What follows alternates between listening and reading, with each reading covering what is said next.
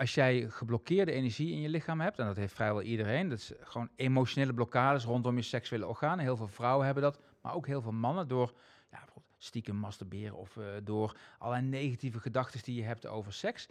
Um, als je een blokkade hebt eh, in je lichaam daar en, en je gaat toch die opwinding opwekken, dan kan die, die spanning maar op één manier weg. Dat is de brandspuit, zullen we maar zeggen. Maar als je die blokkades hebt opgeheven, dan kan die energie gewoon stromen door je lichaam. Dan kun je hem gebruiken om, voor die alchemie.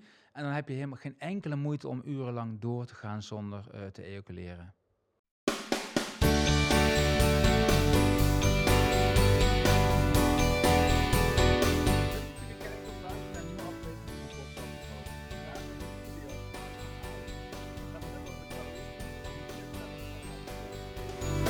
Podcast of Hope, moving towards happiness. En nou, leuk dat je er bent. Ja, leuk om hier te zijn. Ja, ja we, we gaan het hebben over geluk, zoals je weet. Ja. Uh, is dat een onderwerp wat je veel bezighoudt in het dagelijks leven? Um, niet als je het zo formuleert, maar in feite is dat het enige wat ik doe. Want okay. spiritualiteit heeft heel veel te maken met geluk ja. natuurlijk. Uh, hoe, hoe zou ik het dan moeten formuleren? Kijk, uh, zoals ik het zie, de meeste mensen die zijn altijd bezig om via iets buiten hunzelf geluk te ervaren. Mm -hmm. En, um, maar dat is eigenlijk niet hoe het echt werkt. Dat is een hele indirecte weg. Ze hebben bijvoorbeeld onderzocht dat wanneer zijn mensen nou het gelukkigst, dat is onderzocht, dat is als ze een bord eten voor hun neus hebben. Hè? En um, dat is apart, want ze zijn niet het gelukkigst als ze het eten op hebben. Ze zijn het gelukkigst als ze het eten voor hun neus hebben. Dus dat geluk, dat wekken ze zelf op. Met andere woorden, in spiritualiteit beseffen we dat de bron van het geluk zit in jou. Dus dat is de meest efficiënte manier om gelukkig te worden, is door naar binnen te gaan. En dat is wat spiritualiteit is. Ja, want het is dus, misschien begrijp ik het niet goed, maar het is dus dat, dat, dat idee van je bent het gelukkigst als je een bord eten voor je hebt. Ja. Dat, dat kan ook dan uiteindelijk niet afhankelijk zijn van dat bord. Maar van dat het is eten. Dus, dat eten, dat maakt jou niet gelukkig. En een nieuwe auto en een nieuwe vriendin en een nieuwe Ja. carrière, dat maakt jou niet gelukkig. Het gaat erom, je triggert dat eigenlijk zelf, dat gelukkige gevoel. maar Ja, is- het zit hem ook in de anticipatie. Dus. Ja, ja, want heeft het echt inderdaad te Ja. maken dan met wel iets wat dan buiten je is? Of, want Nou, die anticipatie is maar een onderdeeltje daarvan. Dat is, een, dat is een soort teken waar je kunt zien dat je dat zelf eigenlijk kunt triggeren. En dan is de vraag Ja. natuurlijk van, hoe kan ik dat 24 uur per dag bij mezelf triggeren? Ja, En wat ik heb ontdekt, die, die, zeg maar, door bepaalde ontwakingservaringen, eh, krijg je een soort van onderstroom van geluk in je bewustzijn. Dus ik kan bijvoorbeeld eh, net in de file staan, kan ik helemaal vloeken en ik kan in de stress raken en even niet gelukkig zijn en gestrest zijn. Maar ik kan het heel makkelijk weer loslaten en inloggen op de onderstroom van wat ik dan noem intens welbevinden. Dat is hoe ik het dat geluk dan eh, formuleer. Ik weet dat ik dat in me heb en ik hoef er alleen maar op in te loggen. En mijn vriendin in, het- in het begin van onze relatie, die geloofde niet dat ik ontwakingservaringen had gehad. En na een aantal jaar zei ze van, ja, ik snap het toch wel. Want je, ze ziet dan dat als ik bijvoorbeeld even in de stress raak, dat ik het ook in 10 seconden weer los kan laten. En dat ik dan weer kan inloggen en dat ik dan weer een goed humeur heb. En Ja. dat is geen karaktereigenschap. ja dus het is niet, je, je bent 24 uur per dag gelukkig, maar je kan Nee. 24 uur per dag eh, intappen in die Eh, stroom Ik van weet dat het er altijd is. Ja. En ik kan ook, ik weet ook hoe ik daar kan. eh, ik, ik hoef alleen maar de stress los te laten. En dan ben ik weer in die, in die andere, nou ja, bewustzijnstoestand klinkt weer zo eh, enorm. Maar het is, nou ja, het is wel zo. Maar je kan niet in die stroom, die onderstroom blijven staan? Of hoe, ja, mijn guru die had dat wel een beetje. Die was eigenlijk altijd een soort van dronken van geluk. Ja, ja. 24 uur per dag. En dan moesten we ook bij de les houden, want die ging die in wat we dan noemen Nirvikalpa Samadhi. Dat is het stadium waarin je geen hartslag meer hebt en geen ademhaling. Dat kunnen bepaalde yogis kunnen dat opwekken. En als hij niet uitkeek, dan ging hij van... ah, dan zat hij zo en dan moesten mensen echt zo van... Hey, Baba, hier blijven, niet, eh, niet weggaan. En op een gegeven moment werd hem ook verboden, toen hij boven de 90 was, van... Je mag niet meer in Samadhi gaan, want anders zijn we hem kwijt. Was hij gewoon... eh, ja. Ja, ja. Oh jeetje. Dat is, Ja. dat is wel gek. Ja, ja het is, yogis zijn vaak, als ze die ontwakingservaring van Nirvakappa Samadhi bereiken, dan, dan zijn ze ook weg. Ze, ze willen ook niet op aarde zijn, dan, dan, dan gaan ze gewoon weg, dan verlaten ze hun lichaam. Maar dat klinkt niet als iets goeds, niet op aarde Nee, zijn. precies. Nou, dat was een hele belangrijke les die, waar ik twintig jaar over heb gedaan om dat te leren. Dat Ja. ik ben niet op aarde om hier zo snel mogelijk weer weg te zijn. Ik ben op aarde om een aardse ervaring te hebben. Ja. Dus ehm, en dat, we noemen dat ook wel spiritual bypassing. Ik weet niet of je die term kent. Dat is dat je op een gegeven moment je spiritualiteit gaat gebruiken om niet op aarde te zijn, om in die love and light te blijven. En dat is heel wat anders dan wat ik net bedoel met die onderstroom van intens welbevinden. Love and light, in, zeg maar, in de hogere chakras willen blijven, in de positieve energie.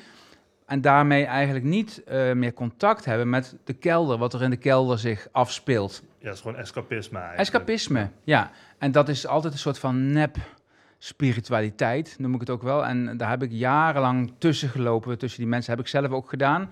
En ik merkte dat ik steeds meer uit balans kwam daardoor. En Mhm. omdat ik in de bovenkant van mijn lichaam wilde blijven zitten, was ik volledig uit balans. Ik had allerlei, ik had last van mijn bloedsuiker, ik had last van maagstoornissen. En op een gegeven moment kwam ik in het ziekenhuis. eh, ik had maagzuur. En die verpleegster, die, zo, kreeg zo'n slang in mijn maag. Nou, er werd geen bacterie gevonden. En toen zei de verpleegster, je bent gewoon een stresskonijn. Je hebt geen bacteriën in je maag, je bent een stresskonijn. En toen was ik diep beledigd, want ik mediteerde twee uur per dag. Ja. Hoe kan dat nou? nou, dat was omdat ik te veel daarboven wilde blijven. Maar ik was niet echt aan het ontwaken. Ik was niet met integrale spiritualiteit bezig. En daar krijg je, daar krijg je dus het woord integrale spiritualiteit, waar we het eerder over gehad hebben. Ja, ja, en ook ontwaking. Ja. Dat noemde je net ook al. Ja. Want wanneer ben je dan ont ben je ontwaakt en dan ben je gewoon ontwaakt? Of is, word je steeds opnieuw Dat is ook zo'n ding wat in de spirituele wereld wordt dat voorgesteld van ontwaken is zo'n diploma halen. Als je dat diploma hebt gehaald, dan ben je klaar. Maar dat is niet zo. Taoïsten die kijken meer naar hoe gaat het in de natuur. De natuur groeit altijd. We zitten in een soort van evolutionaire groei. Als je niet groeit, dan ben je dood. Dus ontwaken is een never-ending process. Dat houdt nooit op. Dus je kunt ook niet zeggen van ik ben nu klaar. Nee. We hebben wel een paar podcasts hebben we het Mm. gehad over verlichting. Ja. Ontwaking horen we nu voor het eerst. Maar is, Oké, ja. is verlichting en ontwaking, zou je dat wel een beetje op dezelfde manier... Ontwaken is, ja... Kijk, verlichting, dat vind ik echt wat mijn guru had. Ja. Nevikalpa Samadhi, dan ben je echt gewoon helemaal van de wereld, als het ware. Ja. Ontwaken, dat zijn veel meer ontwaken, ervaringen die je ook ontwakingservaring zou kunnen noemen. Dus dat is... ehm, sommige mensen die zitten aan het strand en die hebben een inzicht... en die zeggen ook van, ik heb een ontwakingservaring. Dat is dan vaak maar een mentaal inzichtje, zeg maar. En dat is prachtig. Maar dat ontwaken kan ook veel dieper gaan dan dat. Dus er is een soort van eh, schuivende, hoe noem het? Glijdende schaal tussen ontwaken en verlichting. Ja. Maar je zou wel... Het klinkt heel raar om dat soort vragen, maar je zou wel verlicht kunnen worden als je wilt. Maar het is gewoon iets wat je Ja, dus nee, kiest maar- om, om eigenlijk niet te doen. Nou ja, dat was dus wat ik eh, toen ik 20 was, dat was in 1988 of zo. Toen stond ik voor, toen was ik, ik studeerde in Utrecht en ik was eh wezen piano spelen ergens en het, regende en ik met een tas boeken eh, stond ik voor de deur van het studentenhuis en toen wist ik van, er moet meer zijn in het leven dan dit. En, maar wat is dat dan? En ik wist dat het iets met spiritualiteit te maken had. Het was eerst een soort van ontwakingservaringje. En eh, toen, toen heb ik eigenlijk de beslissing genomen van... ik wil ontwaken, ik wil eigenlijk de verlichting bereiken. En dat was vanaf dat moment was dat het enige doel wat ik nog in mijn leven had. Ja.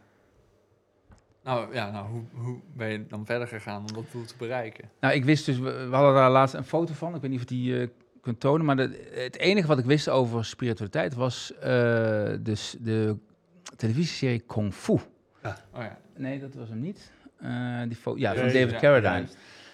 Dat is een serie in de jaren zeventig, die had ik gezien. En daar was een, eh, ja, dat is een, een, een jongen uit Amerika, die komt dan terecht in een Shaolin-klooster bij een soort guru. En die heeft allemaal wijze dingen die hij tegen hem zegt. En het straalt een soort, ja, echt wel sereniteit uit harmonie. Ik dacht van, die mensen weten wel hoe ze moeten leven. Dus ik wist dat het daar iets mee te maken had. Ja. En uiteindelijk ben ik ook bij zo'n figuur eh, terechtgekomen. En ook nog eens bij het Taoïsme. Dus dat is een soort van toeval of wat het dan ook was. Maar het was wel degelijk mijn doel om, om, die, om dat, ja, die, die verlichtingservaring eh, te gaan opwekken. Ben je eerst een beetje die boeddhistische kant of opgegaan? nee, ik kwam eerst bij de? Kriya Yoga terecht. Oh, dat was het, ja. Dat is de autobiografie van een yogi. Dat is een boek van Yogananda. Werd ook gelezen door Elvis en de Beatles. En eh, eh, toen ik dat boek las, dacht ik van, oh ja, maar... Want je gaat eerst lezen. En eh, we hadden geen internet. En allerlei mensen die, die, die verhalen hadden over God en over spiritualiteit. Daar dacht ik van, ja, maar die weten niet echt waar ze het over hebben. Dat, was, dat voelde voor mij niet oké. Die Yogananda was de eerste waarvan ik dacht van, die weet echt waar hij het over heeft. Hij bes- beschrijft echt zo'n Nirvikalpa Samadhi ervaring tot in zeer gedetailleerd in dat boek. Dus, en ehm, toen ben ik uiteindelijk dus bij een van zijn leerlingen terechtgekomen, de Paramahansa Hariharananda. Dat was een uh, Indiaanse guru die die verlichtingsstaat had bereikt. Uh, krankzinnige ervaringen mee gehad. Heel confronterend om uh, dus twintig jaar iets te leren van iemand die, ja, dat is hem. Um, om, uh, je ziet mij hier tussen. We waren hier in de tuin in Miami. dit is vlak voor zijn dood. Hij had een ashram in Miami op een gegeven moment. Daar moesten we iedere keer naartoe vliegen. We stonden met een mannetje of 60 in de tuin, een paar weken denk ik voor zijn dood. En opeens zei hij dat hij met mij op de foto wilde. En ik had zoiets van, uh, dat hoeft voor mij niet. En toen zei de meneer daarachter van, nu. En ik ben achteraf heel dankbaar voor dat, ik dat, dat hij dat gedaan heeft, want het was wel een mooie foto met hem te hebben. Hij heeft ook voorspeld dat ik dit werk zou gaan doen, dat ik boeken zou schrijven over spiritualiteit en les zou gaan geven. maar toen hij dat zei, dacht ik van dat hij een grapje maakte, want hij was de meester van de mindfuck. Want als je in spiritualiteit iets belangrijk is, dan is dat je je gedachten eigenlijk stop kunt zetten. Dat je je ego de, eigenlijk eh, vermorzelt, als het ware. Was hij heel goed in. Dus, dus uh, hij, hij wees bijvoorbeeld eens in de zoveel tijd wees hij bijvoorbeeld een opvolger aan. Zo van, dit is mijn opvolger. En die personen, het gebeurde, iedere keer gebeurde hetzelfde. Die mensen dachten van, oh, dan ben ik dus heel spiritueel. en dat ging dus heel erg fout iedere keer weer. Dus dat was zijn mindfuck, zeg maar. Dus toen hij tegen mij zei van... je gaat belangrijk boeken schrijven... die heel belangrijk zijn voor heel veel mensen over spiritualiteit... je gaat mensen inwijden. Toen dacht ik echt van, uh, ja, doei. Ja. Dat, uh, dat geloof ik dus Weer een mindfuck. Precies. dus toen ik uiteindelijk mijn eerste boek over spiritualiteit aan het schrijven was... Hè, dit boek, uh, Moeiteloos Ontwaken... Toen, toen besefte ik opeens van, shit dit is echt letterlijk wat hij voorspeld heeft. En het, ik schreef het ook letterlijk op de manier waarop die, die hij gezegd had. Dus uh, ja, maar ik was nog niet in balans toen ik bij hem was. Dus uh, dat is het vuurpad, zo noemen we dat vanuit het Taoïsme. Oh ja. Kriya Yoga is uh, een pad waarbij je dus een sterke uh, chi-stroom in je ruggengraat, de kundalini, uh, eigenlijk gaat opwekken. En dat al die energie gaat naar boven. De hele dag in de fontanel blijven. En ik deed dat dus twee uur per dag. En ik had ook die samadhi-achtige ervaringen. Maar ik was ongelukkig, ik was gestrest, ik had maagproblemen, et cetera, et cetera. Ja. Dus toen die verpleegster tegen mij zei van je moet... Je, je bent een stresskonijn. Toen dacht ik van ja, dan moet ik dus iets anders gaan doen uh, met mijn leven. Dus ik was nog niet waar ik wilde zijn. En toen ben je, ben je bij het Taoïsme uitgekomen? Uiteindelijk, uh, toen heb ik eerst nog boeken gelezen van uh, Ken Wilber. Dat is ook nog, uh, heb ik ook een foto van meegenomen. Dat is een Amerikaanse filosoof. En die legt uit die legt precies de vinger op de zere wonde van wat er niet klopt in heel veel uh, spirituele bewegingen. Namelijk dat mensen zo rondlopen, love and light, en de hele dag spiritualiteit uh, willen uitstralen, ja. maar ondertussen elkaar de tent uitvechten en gewoon niet dealen met hun shit. Dus dat is spiritual bypassing, uh, noemen we dat. En ja. hij zegt van... Um, uh, je moet niet alleen doen aan waking up, maar ook aan growing up. Dus je moet aan je emoties werken, aan je fysiek. Je, moet, uh, je kunt op allerlei verschillende manieren groeien in je leven. En, en hij, zijn werk is heel erg gebaseerd op wetenschappelijk onderzoek. Dus hij zegt van, um, als je bijvoorbeeld therapie doet, is aantoonbaar dat je dan ook sneller ontwakingservaringen hebt. Dus al die, die spirituele paden komen uit een tijd dat psychologie nog niet eens was uitgevonden. Ja, het, en, het, was een beetje de psychologie eigenlijk. Ja, precies. Maar ze hadden, geen, ze hadden niet echt een beeld van wat is het onderbewuste en hoe ga je met die afweermechanismes om, et cetera, et cetera. Dus uh, hij zegt van je moet al die shit moet je gebruiken op je spirituele pad. En dat was voor mij al de eerste eye-opener. Maar dat is wel interessant. Dus tegenwoordig, nu we, nu we dus psycho psychologie aan het, aan het ontdekken zijn, ja. wordt eigenlijk spiritualiteit daardoor ook bijna geupgrade. Geupgrade, precies, ja. En je moet absoluut oh, ja. zorgen dat je je issues in kaart brengt... voordat je de hele dag gaat proberen om in die fontanel te blijven... en de verlichting wil, te willen bereiken. Ja. Zeker omdat we vroeger, toen we aan meditatie deden... Waar, waren mensen de hele dag fysiek bezig. Hè? De, als je een kopje thee wilde zetten, moest je eerst een boom omhakken, bij wijze van spreken. Dat was heel fysiek. Als je dan s'avonds ging mediteren, dan was dat op zich wel een manier om in balans te komen. Maar wij zitten al de hele dag in ons hoofd. En uh, dus we zijn niet in balans daarmee. En uh, ja. Ja, want er is, er is, eigenlijk nog zoveel meer om te ontdekken. Maar ik heb het heel vaak voor met spiritualiteit, als je het over hebt, dat dat dan vaak te maken heeft met bijvoorbeeld oude boeken of oude wijsheden. Ja. Maar eigenlijk wordt dat nog steeds ontwikkeld. Ja, absoluut. Ik denk dat eh, zeker, en een van de laatste ontwikkelingen is onder andere die integrale spiritualiteit. Dat je dus, dat we leren dat er, vroeger was het zo, ook in de Kriya Yoga, van dit is het pad. En als je dit, je moet alleen maar dit doen, als je, moet niet van het pad afwijken, want dan ben je eigenlijk fout bezig. En dat was misschien in die tijd ook wel logisch. In onze tijd is dat niet logisch. Wij, wij hebben een aardsleven, we hebben een gezinsleven, we hebben emoties. We moeten op verschillende manieren ons ontwikkelen. En we hebben veel meer dingen tot onze beschikking. Dus het is veel beter om meerdere dingen eigenlijk bij elkaar uit te zoeken voor jezelf. Om een eigen pad te, te vormgeven. Ja, het wordt ook een beetje aangepast aan deze tijd. Precies, Ja. precies. Hey, maar jij, jij hebt een hele reis doorgemaakt om te Ja. komen waar je nu bent. Maar je hebt ook een boek geschreven genaamd Moeiteloos ontwaken. Ja. Is het eigenlijk niet zo heel moeilijk om te ontwaken? Het is eigenlijk wel best wel moeilijk. nou ja, eh, op het moment dat je aan het ontwaken bent, gaat het moeiteloos. Dus dat is Oh, het pad daar ja. naartoe was best ja. wel, best wel eh, een kronkelpad. Ik echt wel, want ik dacht van, ik moet gewoon tien uur per dag yoga doen en dan ben ik straks verlicht. That's it. ik snapte niet dat dat niet zo werkte, maar het werkte dus echt niet zo. Maar op het moment dat je echt, eh, het Taoïsme heeft mij alles gebracht eigenlijk. En daardoor eh, viel alles op zijn plek. Eh, hoe moet ik dat nou het beste uitleggen? Eh, die, eh, de meeste paden werken met vuurenergie. Dat is dus een mannelijke manier om met spiritualiteit om te maken, om te gaan. Dat is rationeel, het is wilskrachtig, het is controle. En vuurenergie is een warme energie die opstijgt in je lichaam. En als je dus de hele dag maar in die fontanel zit, dan ben je dus alleen maar in vuurenergie bezig. Taoïsten die werken ook met waterenergie. Dat is de zachte vrouwelijke energie die meer verbonden is met je lichaam en met de aarde. En die twee dingen, toen ik die in balans ging brengen, toen kwamen zo'n boem, boem, boem, de ontwakingservaringen. Ja, dat was net wat ik miste. Dat yin-yang idee. Yin-yang idee, Ja. balans, balans. Want dat is ook een Taoïstisch idee, als ik het goed Yin heb. en yang, ja. Ja. Wij, ik praat liever over vuur en water, precies omdat dat meer, ehm, omdat dat meer specifiek is qua energie in je lichaam. Maar goed, het is weer een technisch verhaal. Maar het is inderdaad het yin-yang eh, idee. Ja, ja. Oké, maar als je al- als stel je voor je luistert dit eh, is het- en je denkt oh ik wil ik wil ook ontwaken. Misschien een beetje oppervlakkig om het, om het zo, Ja, ja. om het zo te brengen, maar nee, Laat helemaal ik het ook maar eens proberen. Ja, Ja. ja.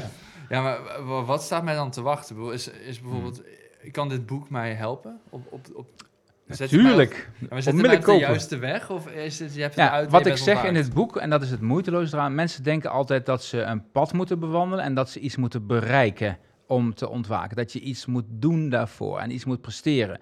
Maar wat het eigenlijk is in het Taoïsme, is dat je, eh, dat je eigenlijk de stress uit je lichaam weghaalt. Je hebt allerlei emotionele blokkades die zich vastzetten in je lichaam. Ehm, je kunt je voorstellen met de, de zon, die schijnt altijd, maar er hangen wolkjes voor. Dat zijn zeg maar, dat is je stress, dat is je ego, dat zijn je beperkte gedachten of beperkende gedachten. En wat je met die hele eenvoudige meditaties in het Taoïsme doet, is dat wolkje langzaam zeg maar weg laten drijven. En je bent dus bezig met schoonmaken eerder. En dan gaat die zon, dat is jouw ware natuur, dat is jouw, die is vol vreugde en liefde en compassie. Die gaat dan vanzelf schijnen, want die schijnt alle, dat is eigenlijk wie je echt bent. En dat is het meest verbijsterende aan een ontwakingservaring, is dat het is heel normaal. Waarom? Omdat dat is wie jij echt bent. En het is voor mij ook heel erg verbonden met mijn lichaam. Dus dat ik, dat ik, ik ben ook in mijn lichaam. Dat is, ja, dat, is- dat ben ik. Oh, je, je bent je lichaam. Je bent niet je lichaam, hè, maar je, ehm, jij, je bent op aarde door jouw lichaam. Hoe moet ik dat nou uitleggen? Ja. Eh, kijk, in je hoofd kun je van alles fantaseren. Je kunt van allerlei dingen eh, denken dat je bent. Maar als je contact maakt met je lichaam, het lichaam liegt niet. Het lichaam, lichaam is wat je echt bent. Niet het lichaam, maar het lichaam is wie jij echt bent. Dus als je contact maakt met je lichaam, dan voel je wat er echt bij jou speelt. Wat er, wie, wie jij echt bent. En eh, dat is ook de snelste manier om in het nu terecht te komen. Want je lichaam is eigenlijk de manier waarop je in het nu bent. Dus het is een, eh, een win-win eh, situatie.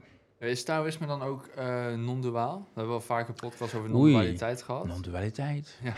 Ehm, ja, als je, eh, natuurlijk is die, die staat waarin je zeg maar de, de balans tussen yin en yang eh, gaat voelen. volgens de Taoïsten is het universum bestaat dus uit de yin-yang-energie, maar die wordt samen eh, bij elkaar gehouden door een energie die daarachter zit. Dat noemen we de yuan qi.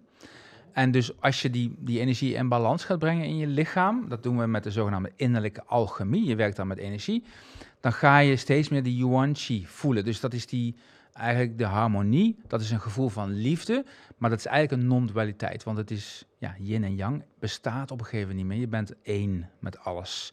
Dus het is wel non-dualiteit, maar niet in de zin van, zoals veel van die non-dualiteitsmensen dat zeggen, dat het meer een mentaal dingetje is. Het is meer een ervaring van eenheid met alles. De polariteit valt weg. Ja, want inderdaad, als ik het zo hoor van je hebt yin en je hebt yang, dan klinkt het Ja. heel duaal. Ja, precies. ja Enorm duaal. dat is het. Dat is de ultieme dualiteit, Het natuurlijk. het is een soort paradox waarin het wel, eh, ook wel en ook niet duaal is, als het ware. Yes, want ten eerste, yin en yang hebben elkaar nodig. Ja. Dat staat ook in de Tao Te Ching. Dus eh, zonder licht heb je geen duisternis. ja, ja, precies. En het is juist het spanningsveld tussen yin en yang, waardoor alles in beweging komt op aarde en Ja. in je lichaam. En dus dat hebben we ook nodig. Maar als we die eh, energie in balans brengen, dan kom je heel snel in die hogere eh meditatieervaringen, diepere meditatieervaringen van non-dualiteit. Ik zoek een bruggetje, maar het lukt me niet. Seks. Zoek harder. Seks. nou ja, wat dacht je van polariteit? Hè? Man en vrouw. Oh ja, De dat- polariteit tussen man en vrouw. Dus Taoïsten, eh, die ehm Taoïsten werken graag met energie. En seksuele energie is de sterkste energie die je in je lichaam hebt. Dus daar werken Taoïsten heel graag mee om meer chi te krijgen. Maar de seksuele energie tussen twee mensen is weer vier keer zo sterk als de seksuele energie die je in je eentje kunt opwekken, als het ware. En dat heeft te maken met die polariteit. Dus de polariteit tussen, ik noem maar even een man en een vrouw. Hè. Laten we even over de standaard situatie praten. Eh, die is ontzettend sterk. En daar, dat wekt dus enorm veel energie op. En je kunt dus ook door de seksuele alchemie, dat is ook een van onze of mijn specialiteiten, kun je die staat van non-dualiteit opheffen. Ik heb ervaringen in bed die diepere meditatieervaringen zijn dan wanneer ik op een stoeltje in een ashram zit. ja. Dus dat is erg prettig. En daarom hebben ze ook in China, eh, hadden ze tenminste, bepaalde sectes van Taoïstische monniken en nonnen, honderden, die met elkaar het bed deelden met continu nieuwe partners. Om dus, ja, puur om die energie op te wekken. Niet ergens anders voor, puur voor die energie. Eh, maar het is een heel prettig pad natuurlijk. Ja, ik Ja. zei het al voor de podcast inderdaad. Het klinkt gewoon een beetje als een excuus om seks Precies. met elkaar En dat is te het ook hebben. natuurlijk. En dan, en dan noem je het spiritueel en dan Precies. is het opeens cool. Ja. Nee, maar. Oké, maar dus, je hebt dus de man en de vrouw. Die Ja. maken allebei... Die zijn dus de beide kanten van die, van die balans. Precies, de, de man eh, is meer de vuurenergie en de vrouw Ja. is meer de waterenergie. Ja. En daarom voel je ook zo'n aantrekkingskracht. Dat zet gewoon op twee magneten die naar elkaar toe worden getrokken. En de penis en de vagina, die, die symboliseren dat ook. hè. De penis, vuurenergie, die gaat omhoog hè, als die opgewonden wordt. Mm. En de waterenergie van de vrouw, ja, nattigheid, hè, die wordt, eh, de vagina wordt ook koel als zij wordt opgewonden. En bij een man is het zo, in je lichaam, die energie, die op, opgewonden energie, die zit in je penis, zeg maar, en die stijgt dan op naar je hart. Mhm. Maar bij een vrouw zit die eerst in de hart en dan gaat die pas naar de vagina. Met andere woorden, een man heeft seks nodig om liefde te kunnen ervaren. En een vrouw heeft meer eerst liefde en verbinding nodig om seksuele opwinding te kunnen ervaren. Dus dat is precies die yin en yang in je lichaam. Ja, dat is ook wel een beetje het cliché, dacht ik. Om, Ja. om- op die manier, Ja, ja. maar dat werkt niet dus voor ook. niks inderdaad. Nee. Maar hoe, ehm, ja, hoe zeg je dat? Hoe is dat dan anders met bijvoorbeeld gewoon liefde? Als, in, als je bijvoorbeeld een relatie met iemand hebt, is dat ook een beetje hetzelfde idee? Of moet je daarvoor echt seks hebben om dat te kunnen ervaren?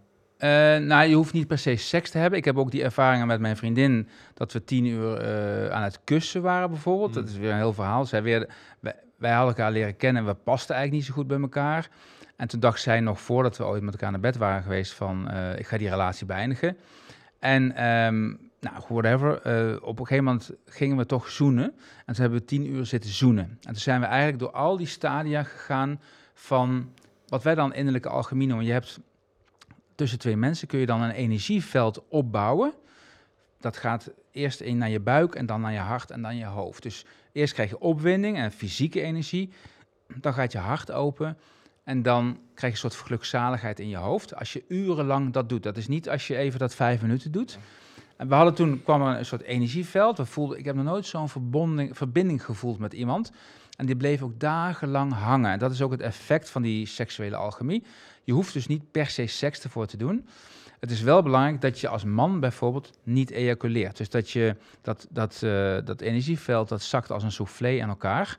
Op het moment dat je een ejaculatie hebt, dan is de energie gewoon weg. En het is ook niet zo heel gezond om altijd maar weer die vitale energie kwijt te raken. Dus Taoïsten doen dat niet graag. Ja, want ik heb het wel eens ergens gelezen. Die chi die zit vooral in de lichaamsvloeistoffen, toch? Of niet? Dat is het Jing. Ja, Jing Qi noem je dat. Dat Oh. is, eh, dat is ehm, de seksuele energie die zit in de sperma en in het bloed. Ja. Maar die, dat is dan wat we de alchemie noemen. Je kunt die, eh, die chi dus verfijnen. Steeds zuiverder maken in je, tijdens je meditatie en tijdens je, in je lichaam. Mhm. Zodat het ook meer eh liefdesenergie wordt en zelfs spirituele energie. Dus dat is, het, dat is het proces van de innerlijke alchemie. En dat doe je ook als je een paar uur met elkaar in bed ligt. En niet ejaculeert. Maar als, als ik aan, aan eh, een beetje aan monniken en zo denk, een beetje dat, dat ascetische, Ja. die Het is niet heel ascetisch, nee. Nee, dat klinkt eigenlijk als het Ja, tegenovergestelde. maar dat is het prachtige aan de Taoïsten. Dat zijn geen schijnheilige boontjes. Die kijken gewoon naar de natuur. Hoe werkt het? Hoe kunnen we die energie gebruiken? Ja, ja. En die zijn gewoon no-nonsense. Dus, eh, en dat is ook wel een beetje de Chinese aard. Het is heel geaard. Het is heel erg eh, zonder, zonder die spiritual bypassing. Het was daarom voor mij ook een verademing om, eh, om met de Taoïsme in aanraking te komen. Ja, want het is wel grappig, want praktisch elke andere vorm van spiritualiteit heeft een bijna een soort seksuele afkeer eigenlijk. ja, en religies bij- ook. Ja, ja, religies ook. En bij Taoïsme heb je bijna een soort van fascinatie ermee of zo. Wat het is, is kijk, eh, die seksuele energie, eh, ik heb dat ook een tijdje geprobeerd. Eh, dat is verbonden aan je kundalini-energie. Als je die te veel kwijtraakt, je hebt die energie, die seksuele energie nodig om te ontwaken. In het yoga-proces ook en ook bij de Tao. Ja, En eh, daarom eh, doen monniken in de, in de Swami-traditie doen niet aan seks, omdat ze die energie niet willen ja, kwijtraken. ja, ja, precies. Maar Taoïsten hebben ontdekt van ja, maar als je nou gewoon gaat neuken en je gaat niet ejaculeren, dan, heb je meer. veel meer energie. Het is ook veel leuker om te doen Ja. en het is veel effectiever. Dus het is gewoon no-nonsense, inderdaad. Eh, het is een hele goede methode. En hoe, ja, ik weet niet of het dan nu een beetje te decadent wordt, maar Oef, wat wil je vragen dan? ja, hoe, ja, Hoe doe je dat? hoe, ja, hoe stel je dan Nou, ga jij eens even liggen? Ja.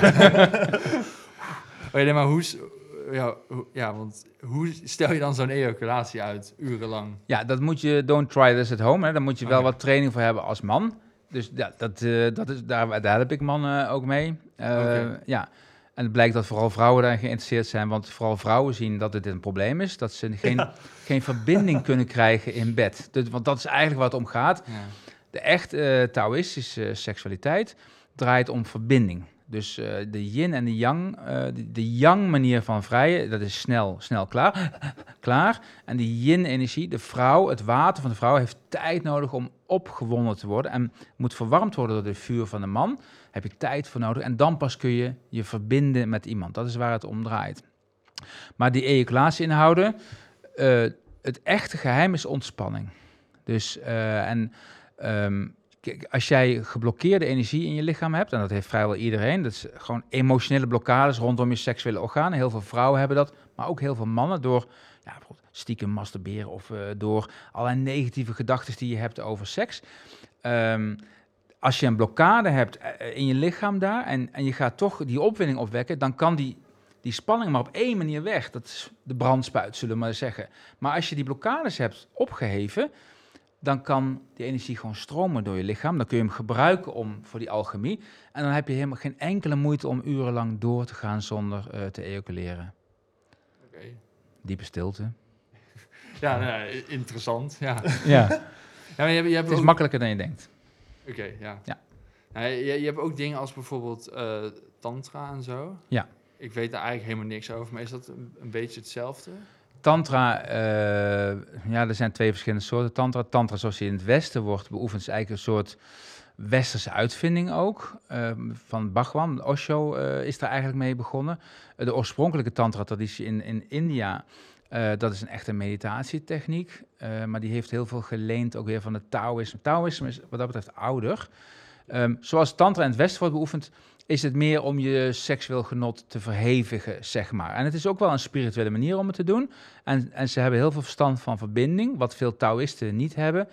Maar Taoïsme is een heel meer een, een subtiel pad waarmee je met energie werkt. En veel tantra-leraren gebruiken daar ook soms Taoïstische technieken om, om, je kunt het beste een soort combinatie van die twee dingen doen. Dat ja, is wat dat ik kan ook elkaar goed aanvullen. Ja, ja, maar bijvoorbeeld een tantra-groep, dat gaat vaak veel meer over seks en eh, seksuele massage, et cetera.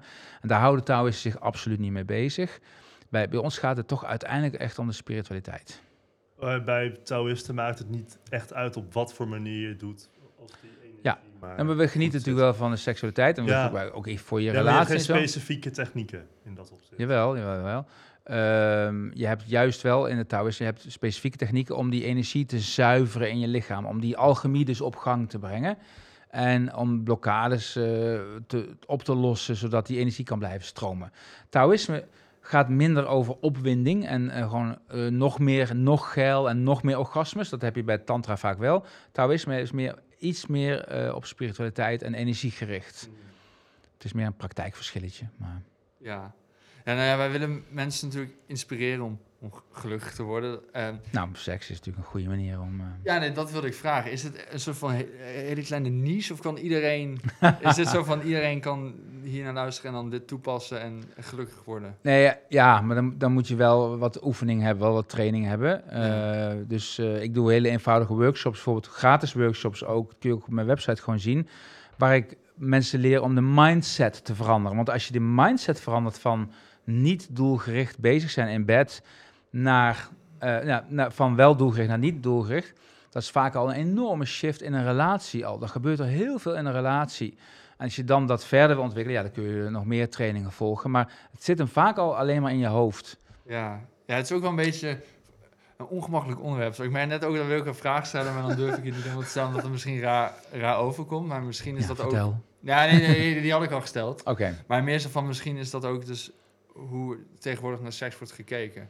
Misschien zit daar ook... Ongemakkelijk bedoel je? Ja, ook gewoon iets... Dit zijn dan juist die blokkades die aan het werk Nee, nee, nee, nee, maar dat, dat, is wel wat ik, dat is wel wat ik bedoel. Misschien, misschien is... Ja. Nou, het valt mij op hoeveel mensen inderdaad eh, last hebben van die blokkades. Ik kreeg dus mijn laatste work, eh, ik, was- ik gaf zo'n gratis workshop of webinar, hoe je dat wil noemen. Ik kreeg in die week 300 mails van met name vrouwen over ja, de problemen die ze hebben in relaties. Dat hun man eigenlijk het licht niet heeft gezien. Het zijn vaak de vrouwen die zien dat de mannen toch, ja, ik wil niet zeggen tekort schieten in bed, maar haar niet kunnen geven wat ze echt nodig heeft. En dat is die verbinding. En dat kunnen ze eigenlijk alleen geven als ze ja, toch die wat meer Taoïstische manier van vrijen gaan eh, toepassen. Maar ja, er zit heel veel seksuele frustratie, seksuele blokkades eh, bij mensen. Het is ongelooflijk. Ja. Ja, want ik had... Ik weet niet of ik het dan met jou laatst over had, maar dat, dat, dat mensen tegenwoordig juist preutser worden. Ja, Ja, Eh, daar had je het niet met mij over, maar dat is wel waar, ja. ja, dat, Dat is dat wel heb ik in ieder geval gehoord. Ja. Maar dat is dus eigenlijk...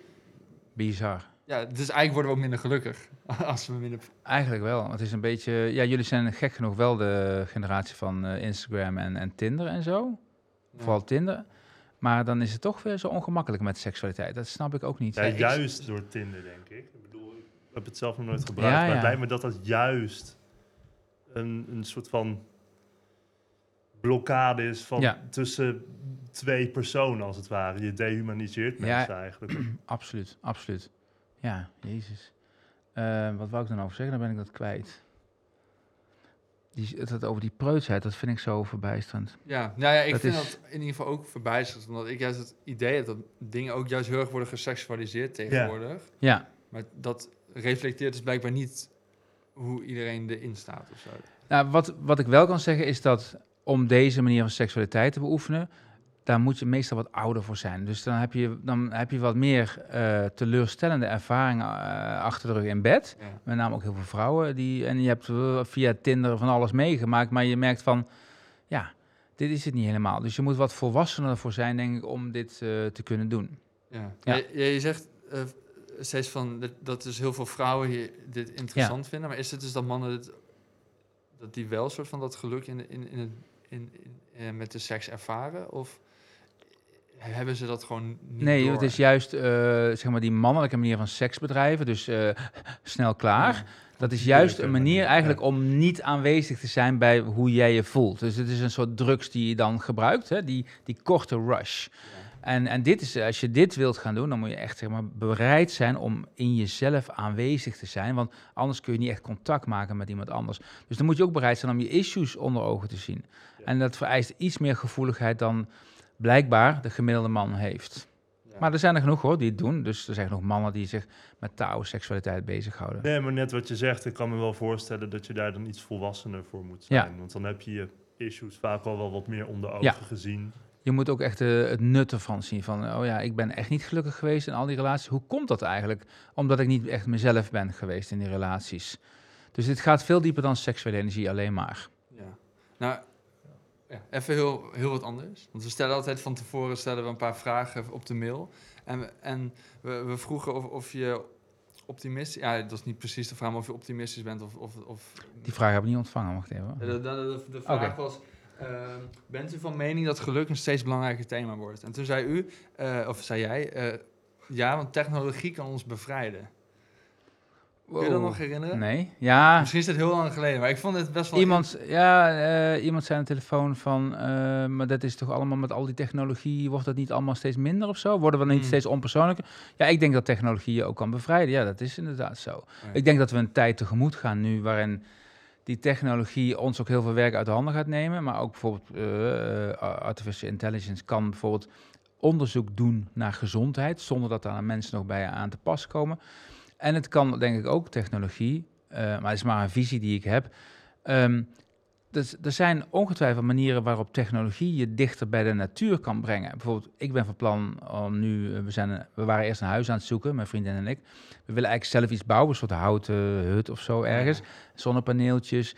Je hebt eigenlijk die technologie dan nodig om weer terug te gaan naar de natuur. Oh ja, Ja. op die manier. Want toen ik het las, klonk het echt als een paradox bijna. Technologie ja. om naar de natuur maar te gaan. Nou, wist te houden van paradoxen. Ja, dat, daar ben ik achter gekomen Ja. in deze podcast. Ja. Nee, oké, maar het is iets wat je gewoon willekeurig als antwoord gaf. Het is niet ja, iets waar ja. je echt heel veel mee Nee, bezig nee, het bent. is niet iets waar ik heel erg mee bezig ben. Nee, oké, ja, oké. ja. Ja. Dat is. Ja, en we vragen ook aan onze gasten een voorwerp mee te nemen. Eh, Oh, maar dat heb ik niet, sorry. Ik heb foto's meegenomen. Wat Oh. voor voor, wat voor voor ja, dus waar ze gelukkig van worden. ik heb ja, je mijn hem iPhone. Technologie, technologie. dat is het enige voorwerp wat ik bij me heb. Ja, is dat een voorwerp waar je gelukkig van wordt? Nee, maar eh, ik, heb, ik heb er niks misschien. tegen. Ik, eh, ik vind het wel... Nou, laat ik zo zeggen. In die tijd dat ik voor die, dat studentenhuis stond en besefte dat ik niet gelukkig was... en toen wilde ik spiritueel worden... toen eh, was er geen internet. Er was helemaal niks. Ja. En ik denk dat ik toen wel dat gemis gevoeld heb. En ehm, ik denk dat je spirituele pad, dit ding, je spirituele pad ontzettend kan versnellen, gek genoeg. Want je kunt alles opzoeken. En met name in die integrale spiritualiteit, waarin je gebruik maakt van nieuwe inzichten, nieuwe dingen. Het kan heel goed zijn dat je op TikTok een filmpje tegenkomt van, oh wacht, dat had ik nog nooit zo bedacht. Dus ik ben daar wel, ik word er wel gelukkig van, ja. Maar ik denk, ja, want ik denk ook wel dat TikTok iets is dat heel erg in de weg zou kunnen staan voor Tuurlijk. een spirituele ontwakening. Ja, ja, ik heb ook wel wat spirituele mensen op TikTok eh, ben ik gaan bekijken en het is, ja, dat valt een beetje tegen, zullen we maar zeggen. Ja. Ehm, ik wil ook wel filmpjes gaan maken op TikTok, maar dan hoop ik dat mensen ook wat meer op inhoud eh, willen gaan luisteren. Het is de verslaving aan Ja. eh, de end of, wat, hoe noemen we die stofjes die het vrijmaken. Dopamine. Dopamine. Dat is natuurlijk een heel groot probleem. Ja. Daar heb ik geen last van. Ik, heb, ik heb dat, die geluksstroom, zeg maar. Ja. en dus ik kan dat heel makkelijk weer uitzetten. Ja, nou, dat is wel interessant dat je dat zegt. Ik heb het gevoel, eh, als we het vaak over dit soort onderwerpen hebben, dan zijn mensen heel erg anti-technologie. Ja, Maar misschien of is het- social media Ja, vooral vaak. maar het is ook wel weer makkelijk om te haten op, op Ja, technologie. nee, dat, Terwijl eh, er liggen wel heel veel Ja, maar kansen. het is dus. soms wel Ja. irritant. Ja, het is wel... Tuurlijk, dat is ook zo. Ja. Nou, wat is vooral irritant als mensen, eh, als mensen gewoon zo met je praten. Dat is met die telefoon, Ja, die neus in die telefoon. Dat is echt ziekelijk soms. Dus dat, eh, nee, dat herken ik natuurlijk wel. Ja, nee. Nou, we zijn een beetje bij het einde gekomen. Eh, en we vragen altijd onze gasten een tip te geven voor iedereen die luistert. Waar ze gelukkig van kunnen worden, inspiratie uit te kunnen halen. Een tip, eh, ja, jezelf zijn. En, eh, want ik denk dat mensen vooral heel veel bezig zijn met zichzelf vergelijken met andere mensen. Andere mensen imiteren. En niet durven zelf na te denken. En als je gewoon een beetje contact maakt met je eigen lichaam en leert voelen, dan wordt het veel makkelijker om je leven te leiden eh, met een korte ei. Ja, precies. Dus eh, jezelf zijn. Er zijn hele simpele technieken voor om dat te doen. En ehm, ja, dat is mijn beste advies wat ik kan geven, denk ik. Ja, nou mooi, dankjewel. Ja, dankjewel. Jullie ook bedankt. Leuk dat je hebt gekeken of geluisterd naar deze aflevering van de Podcast of Hope. We hopen dat je ervan hebt genoten of misschien zelfs geïnspireerd door bent geraakt. Iedere zondagochtend om 10 uur komt er een nieuwe aflevering online op Spotify, YouTube en al je andere favoriete podcastkanalen. Ook kun je ons vinden op www.podcastofhope.nl. Tot ziens en veel geluk. De wereld waarin we leven biedt nog geen gelijke kansen. Voldoende eten en drinken. Een adequate opleiding. Goede gezondheidszorg. Vrede en geluk is niet voor iedereen weggelegd. Maar stap voor stap wordt het beter en zijn we op weg naar een octopische samenleving waarin iedereen zijn of haar leven als goed kan beschouwen. Het is een lange reis, maar we zijn op weg. Podcast of Hope. Moving towards happiness.